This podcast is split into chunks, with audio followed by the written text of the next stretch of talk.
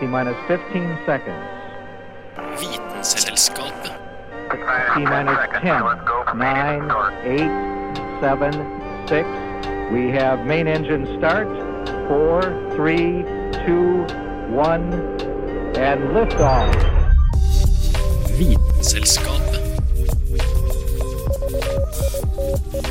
Vitenselskapet på Radio Nova.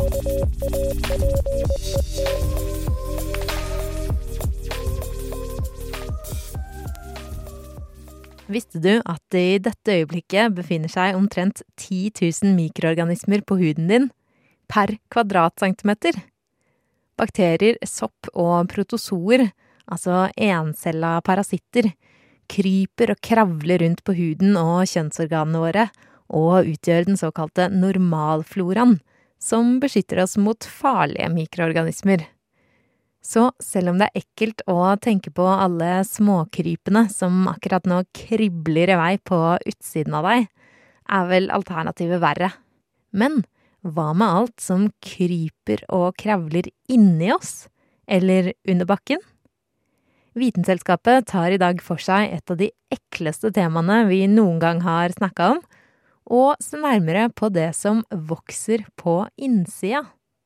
Mitt navn er Hanne Grydeland, og de med svak mage er herved advart. Å vite vet Vitenselskapet.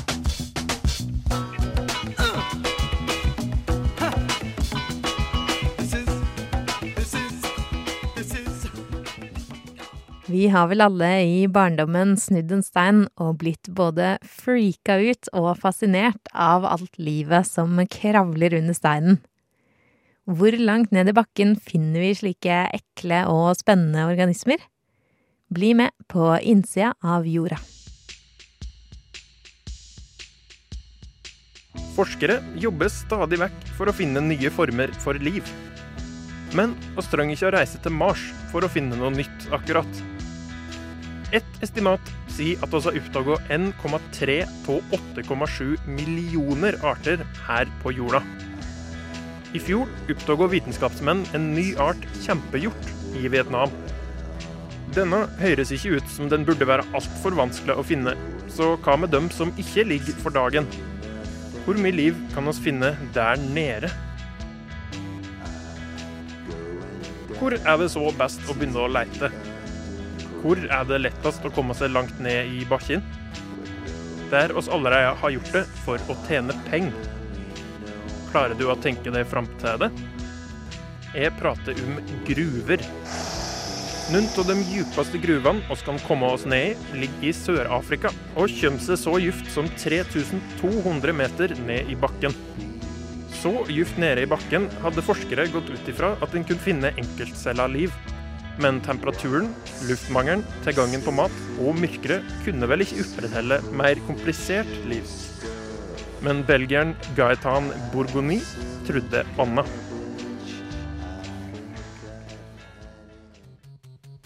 Skapninga Bourgogny trodde han kunne finne nedi disse gruvene, finner natt nesten overalt i verden. Rundorm. Skapningene er utrolig gode på å finne nisjer få andre takler. Varme kilder, høgfjellet, ørkner, Sørpolen og i mennesker sin moggo. Slik en barsking må kunne ha en sjans juft i marka. Og jo da, belgieren hadde rett. Ormen flaut i vannet langt der nede. Hva er det som gjør denne ormen så god i ekstreme forhold, da? En del av forklaringa ligger i at rundormen kan gå i stasis. Det betyr at den skrur seg tå. Metabolisma sakker ned. Stasisen blir aktivert når maten mangler, temperaturen blir for høy, eller det blir for mange ormer på en plass. Overraskelsen med rundormer tyder på at oss har utrolig mye att å oppdage der nede. Problemet er bare at det er utrolig vanskelig å komme til. Oliver Plymper ved universitetet i Utrecht og teamet hans bora ved en vulkan i Marianergropa, den djupeste delen av havet. Her så det ut til at det var liv. Og Plymper postulerte at du kan finne liv ti kilometer dypere enn dette att. Hvor mye som finnes der nede, vet oss ikke enda. Men en kan anta at det er milliarder av tonn med biomasse. En hel verden oss har til gode å utforske.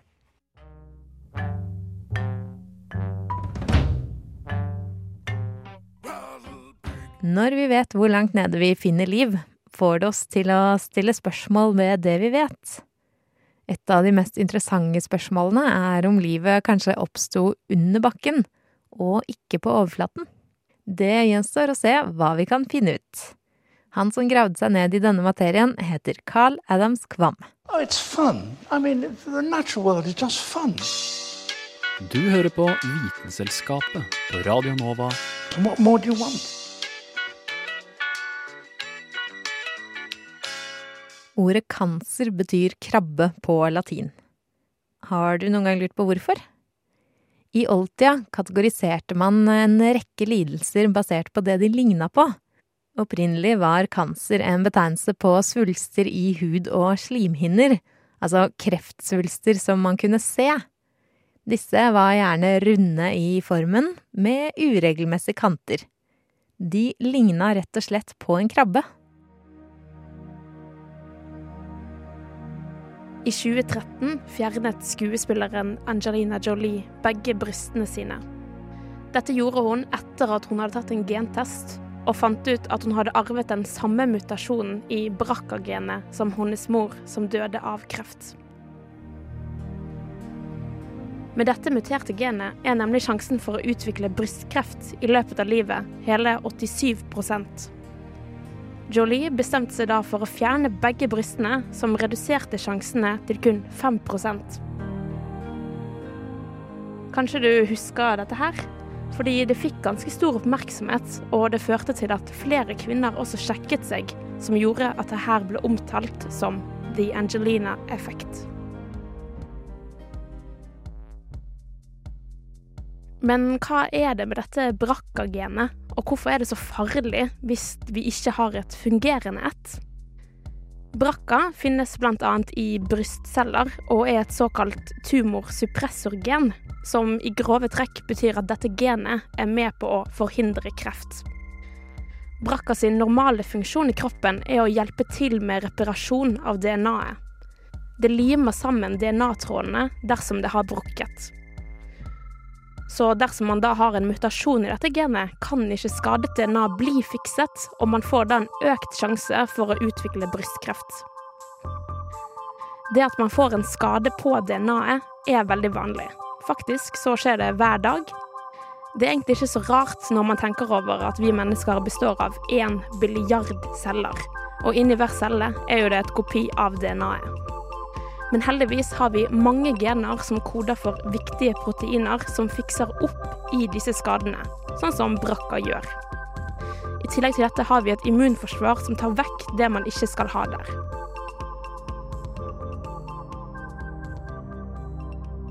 Men som du vet, går ting galt også. Dersom en av dine celler klarer å få nok mutasjoner som er farlig nok, så kan det utvikle seg til en kreftcelle. Og det som er spesielt med en kreftcelle, er at den bryter virkelig alle regler som en normal, frisk celle vanligvis holder. En frisk celle må få signaler om å vokse, og stopper å vokse når den får beskjed om det. Det gjør ikke en kreftcelle. En frisk celle har også kun et bestemt antall nummer av delinger den kan gå gjennom. Det har ikke kreftceller. En frisk celle har også muligheten til å drepe seg selv dersom den er til skade for verten. En kreftcelle vil ikke gjøre dette. En kreftcelle klarer også å endre metabolismen slik at den får mer næring. Den klarer også å få blodårer til å vokse, sånn at den får mer tilgang på næring. Og sist, men ikke minst, den klarer å bryte seg ut av sitt primære hjem og spre seg til andre organer. Og det er dette som er dødelig. Man sier ofte at normale, friske celler lever av å ofre seg for kjønnscellene. For det er disse som er de eneste cellene som kan føre arvematerialet videre. Mens kreftceller lever etter 'survival of the fittest' og konkurrerer mot sin egen vert.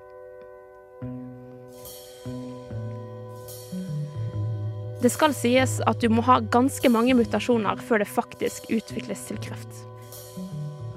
Selv om man har en mutasjon i BRCA-genet, sånn som Angelina Jolie hadde, så kreves det heldigvis mer enn bare det til å få kreft.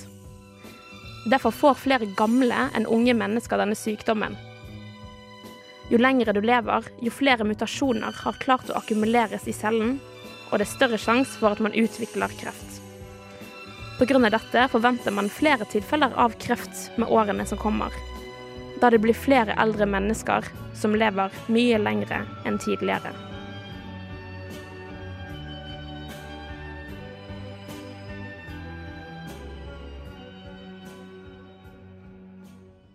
Du har vel hørt de vanligste rådene som forhindrer kreft? Ikke røyk, spis sunt, eh, tren osv.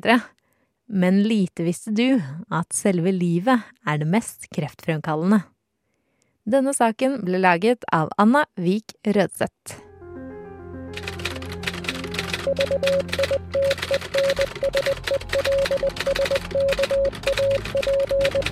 Just want to tell you both good luck. We're all counting on you. И пусть посмеются над своими страстями. Ведь то, что они называют страстью, на самом деле не душевное, Vitenselskapet а лишь трение между душой и внешним миром. knekker vitenskapens koder. Good job. Vi lar oss aldri slutte å fascinere av ting som kan vokse på innsida av vår egen kropp. Kristin Grydland har lagd en sak om noen av de mer spesielle sakene som kan gro på innsida av menneskekroppen, nemlig dermoide syster. Kjære Vitenselskapets redaksjon. Jeg skriver denne mailen til dere nå for å fortelle at nå er det nok. I løpet av mine år i denne redaksjonen har jeg vært utsatt for mye. Jeg har blitt totalt slått ut av en koffeinoverdose i vitenskapens navn. Jeg har vært på Oslos kloakkrenseanlegg og på søppelsorteringsanlegget i vitenskapens navn. Jeg har blitt drept i påskekrimens navn. Men det er ingenting mot hva denne redaksjonen har gjort mot søkehistorikken min. Fremdeles dukker det opp bilder av delfiner som har sex i feeden min. Men det er bare uskyldig moro sammenligna med oppdraget jeg har fått denne uka. Lag noe på dermoide syster, sa folk. Det blir gøy og interessant, sa folk. Vel, la meg bare si dere én ting. Det finnes enkelte ting som bør forbli usett. Syster som inneholder hår og tenner, er definitivt en av dem. La meg gjenta syster som inneholder hår og tenner. Vanlig hodehår som vokser på innsiden av en syste, som vokser på innsiden av noens kropp. Og som kan bli alt fra noen få centimeter stor til opptil 45 centimeter i diameter.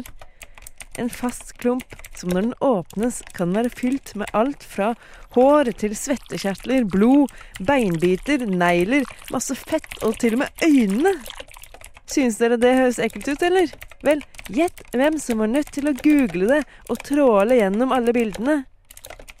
En mager trøst for meg, som nå er nødt til å vaske netthinnene mine i syrebad, er at det er en sjanse for at en av dere har en slik syste allerede. Man kan nemlig bli født med dermoide syster, og siden de vokser veldig langsomt, kan det ta tid før de oppdages. Nå skal det sies at de er vanligst i eggstokkene, hvor det for så vidt er ganske normalt å få syster. Grunnen til at det kan vokse hår og andre ekle ting inni disse systene, er at totipotente stamceller blir fanga inni systene. Totipotente stamceller er jo, som dere vet, celler som kan bli til alt mulig rart. Og det er dette som gjør at kroppsdeler begynner å vokse der det absolutt og på ingen måte burde vokse. Potensialet for slike syster kan være til stede allerede fra dere var små, ferske babyer, og så vokse og vokse uten at dere er klar over det. Dette skjedde f.eks. med den canadiske fotballspilleren Tyrone Jones, som først oppdaga at han hadde en dermoid syste når han nøs og det kom en tann ut av nesa. Ser dere? Dette er den typen historier jeg må lese om for å lage innslag til disse sendingene. Aldri kan vi lage om koselige og normale ting sånn som andre programmer på Nova. Nå får dere faen meg skjerpe dere, Vitenselskapet.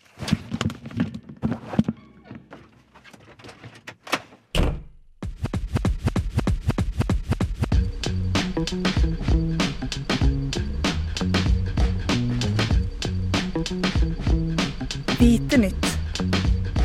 Det du trenger å vite. Det er ikke bare under bakken eller inni kroppen det kribler og kravler. Nå har du også kravlet inn i studio, Dag Levan Magnussen. Ja, oppreist på mine to bein, men det har jeg. Det er helt riktig. Og hva har du med deg i dag? Jo, i dag har jeg med meg eh, noe som faktisk ble innført i dag. Og vi har på en måte vært innom det litt tidligere i Vitenselskapets historie, men det er altså noe som kalles for Generalkonferansen for vekt og måleenheter. Og den 26. av denne, disse generalkonferansene ble gjennomført i november i fjor. Og i dag, faktisk, 20. mai, dagen før vi skal sende, men i dag for oss som står her, så ble det nye kilogrammet innført. Ja, for jeg hørte noe om at de, de skulle avskaffe den fysiske, eller? Ja, det er helt riktig, for uh, til nå så har det stått inni et dypt, mørkt hvelv i Paris et kilogram, en sylinder som veier nøyaktig én kilo.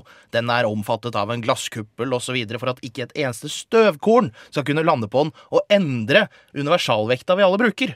Men fra og med i dag, altså, så bruker vi ikke den lenger fordi den sto i fare for kanskje kom det et jordskjelv til Paris, eller kanskje kom det Ja, det er vel kanskje usannsynlig at det er en fugl som flyr ned i dette hvelvet, men uh, hva enn kan skje, da. En brann er jo ikke usannsynlig. En brann er ikke usannsynlig. Så nå har man gått over fra å ha en fysisk vekt til en kvantemengde, som er basert på den såkalte Planck-konstanten, som jeg har da lært meg er en fysisk konstant som karakteriserer en kvant som i utgangspunktet var brukt til å beregne varmeegenskaper i stråling. Men nå har man altså brukt denne Planck-konstanten til å definere en kilo. Så nå Det er en ren matematisk størrelse man nå bruker for å hva skal jeg si, angi hva et kilo er? Yes. Det er en matematisk, universell eh, fysisk lov. Så dette, dette kilogrammet kan da absolutt ikke endre seg. Og i samme sammenhengen så har man faktisk vært innom og endret både Kelvin og ampere. Bare tinkra litt med å putte dem til sånne universelle konstanter, de også. Men det var jo kilogrammet som var på en måte posterboyen for disse målenhetene som sto nede etter hvelvet i Paris og kosa seg. Ja, det er jo litt kult med noe, med noe, fysisk. Og særlig det med at det ikke må komme noe støv på det og sånn. Mm. Og i tillegg da, så har denne konferansen eh, nå eh, beveget seg over fra vekt til andre målenheter, og da mer spesifikt tid. Jeg vet ikke om du vet hvordan vi måler tid i dag? Nei, for du har kanskje hørt om atomklokker? Ja. Ja, Og disse atomklokkene de fungerer altså ved at de tar inn lys fra sola. Og så, når det lyset har svingt 9 milliarder 192 millioner ganger 631 770 ganger, da har det gått et sekund. Oi, men det må jo bevege seg helt sykt raskt, ja. da. Men det klarer altså denne atomklokken Dag prøvde nå i studio å med fingeren angi hvor raskt atomet snurra, og klarte tre, tre ganger på et sekund. jeg er ganske kjapp, jeg òg, da. Jeg ville bare på en måte få lagt det til grunn. Men det man altså skal gjøre med disse atomklokkene, det er at man i dag har en såkalt cesium-atomklokke. Og det man vil gå over, er til en optisk variant. Så tiden skal altså måles på samme måte med at man tar inn og leser svingningene i lyset. Men denne optiske i forhold til cesiumsvarianten har en høyere frekvens i lyset den klarer å ta inn til enhver tid. Altså, så det er på en måte en gitt frekvens på hvor mye lys den får inn. Mm. Så den blir da altså over 100 ganger mer nøyaktig enn den klokka vi har i dag. Så det er de store nyhetene som kom ut av denne konferansen. At dette planlegger man. Og i dag fikk vi altså da innføringen av det nye kilogrammet. Jeg føler meg ikke noe lettere, det vet jeg ikke med deg heller, men vi er altså Ja, kanskje vi har endret vår masse med 0,00001 greie eller et eller annet. I hvert fall hvis det var litt støv på det forrige kiloet. Ja. Og hvem kan vite om det egentlig var det? Det jo Ingen har jo pussa det. Det har jo bare stått der. There's hydrogen and helium, then lithium, beryllium, boron, carbon everywhere, nitrogen all through the air, with oxygen so you can breathe. Du hører på Vitenselskapet på Radio Nova. Magnesium, aluminium, silicon, phosphorus, then sulfur, chlorine, then argon, potassium, and calcium so you'll grow strong. Scandium, titanium, vanadium, and chromium, and manganese. Dessverre for mange nordmenn er det for tida masse pollen i lufta. Men for sommerfuglen er dette en stor glede. Selv om de kan fryde seg med pollen nå, har de vært gjennom en lang og utrolig reise for å komme til det stadiet i livet. De starta som larver, ble til kokonger, og så forvandlet de seg til en vakker sommerfugl. Men hva skjer egentlig i kokongstadiet?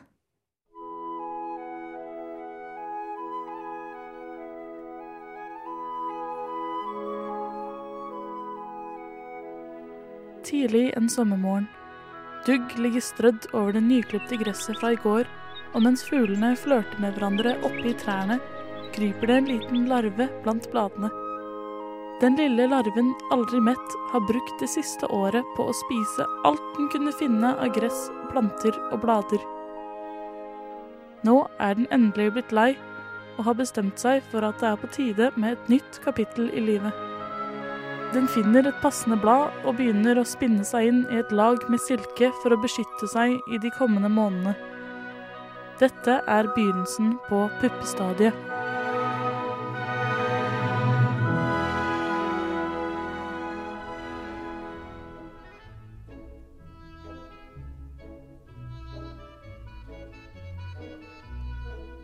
Mellomstadiet mellom larve og voksent insekt kalles puppe, og i noen tilfeller kukong. Dette er de tapte tenårene til insektene. Se på det som en rebelsk tenåring som låser seg inne på rommet til den er klar til å komme ut igjen. Og på lik linje med en tenåring kan denne fasen vare fra bare noen få dager til flere måneder. Selv om jeg er vant til å tenke på sommerfuglkukonger som henger fra planter, kan puppene finnes flere steder, som under jorden, på gress, planter og steiner.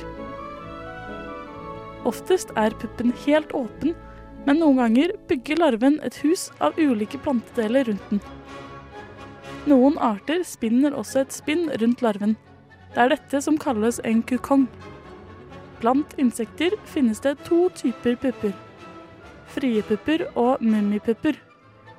De frie puppene er mest vanlig hos biller, og viser ofte synlige bein og antenner. Mummipuppene derimot er de man kanskje oftest tenker på, de som sommerfuglene har.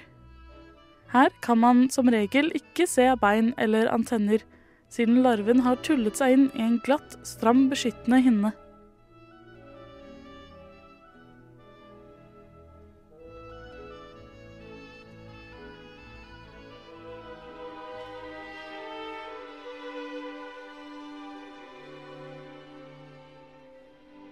Skjer så inni denne puppen? Larven har på forhånd skiftet hud flere ganger og skal nå til å gjøre det igjen for siste gang. Først fester den seg fast i en plante og bruker noen dager på utskiftningen av huden. Samtidig kommer den ut som en puppe. Denne prosessen varierer veldig i de forskjellige insektene som går gjennom den. Puppen er først lys og larveaktig, men får etter noen få timer sin ferdige puppefasong. Larven blir totalt forandret, og noen av disse endringene kan vise seg etter bare et par dager, slik som følehorn, ben og vinger. Puppestadiet kan variere fra ti dager til tre år, avhengig av arten, og i løpet av denne tiden videreutvikles nervesystemet og åndedrettskanalene. Hjertet blir også større, og fordøyelsessystemet tilpasses den voksne sommerfuglens. Kanskje den mest merkelige endringen skjer med de indre organene til larven. De blir først til en flytende substans som så bygges opp igjen på nytt, så effektivt at det bare blir en dråpe væske til overs. Dette er det siste som skjer før den voksne sommerfuglen flyr ut til sitt nye liv.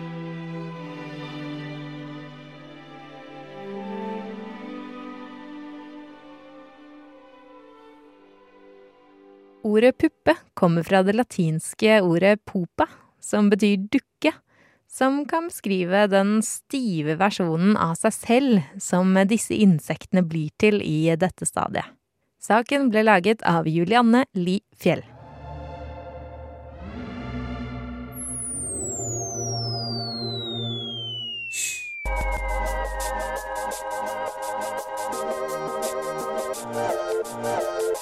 Visste du at det tar omtrent 200 000 år før et foton kan klare å krysse strålingssolen på sola? Dette betyr at den energien vi mottar fra solen i dag, ble produsert på den tiden da de første menneskene på jorda dukket opp.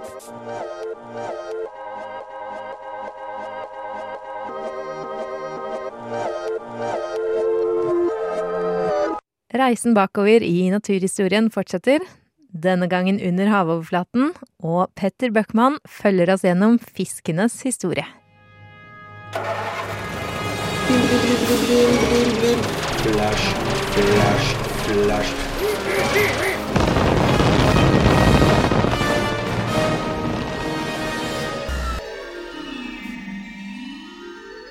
Ta-da! Alle kommer fra et sted. Det er ingen som ikke har noen forløpere. Og det dere ser her, Dette er jo en relativt avansert fisk. Denne har finner, ordentlige finner. Den har kjever, den har gjeller, og den har svømmeblære. Men følger vi fiskenes historie bakover, og det går det an å gjøre Det kan, det kan vi gjøre med moderne fisk. For da har vi også sånne attgløymer. Dyr som, som skulle vært borte, men som i bunnen henger igjen. Og Det vi tenker på som fisk, er jo nettopp beinfisk med svømmeblære og ordentlige finner og alt mulig. Men kommer vi langt nok bakover, så kommer vi ned til haiene. Og haiene de har ikke svømmeblære. De må svømme hele tiden for å holde seg flytende. Så mellom, mellom haiene og beinfiskene så oppsto svømmeblæra. Det har sannsynligvis å gjøre med at de var ganske tungt pansra. Dette var sånne pansra fisker. Og hvis du er såpass tung og du skal svømme rundt i åpent vann og være en aktiv jeger, så er du nesten nødt til å ha et eller annet som hjelper deg flyte. Hvis du slutter å slå med halefinn, så synker du jo ned på bånn. Enten kan du være en aktiv jeger og drite i pansring og være en aktiv jeger sånn som haien.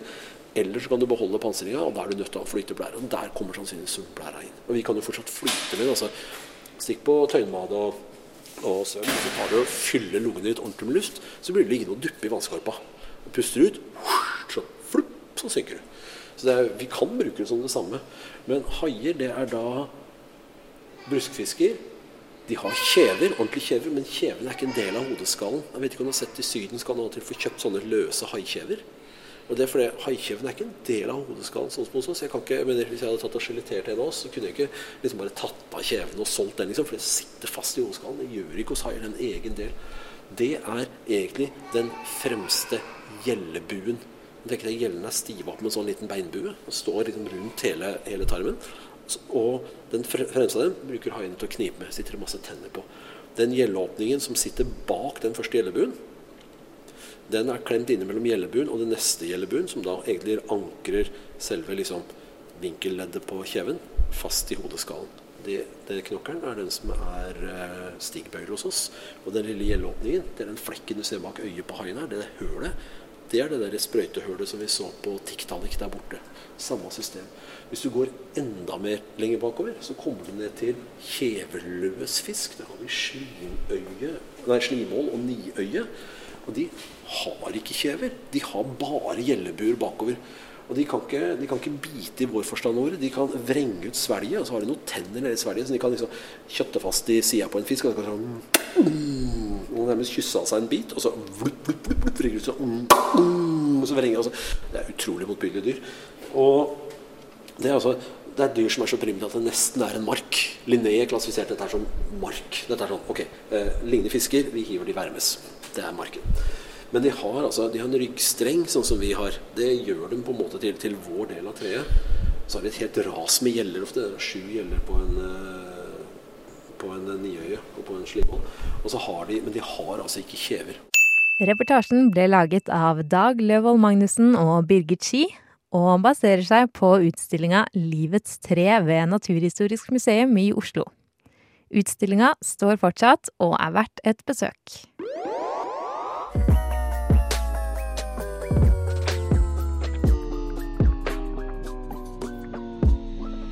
Vitenselskapet. Da har vi kriblet og kravlet oss frem til eh, sendingens ende.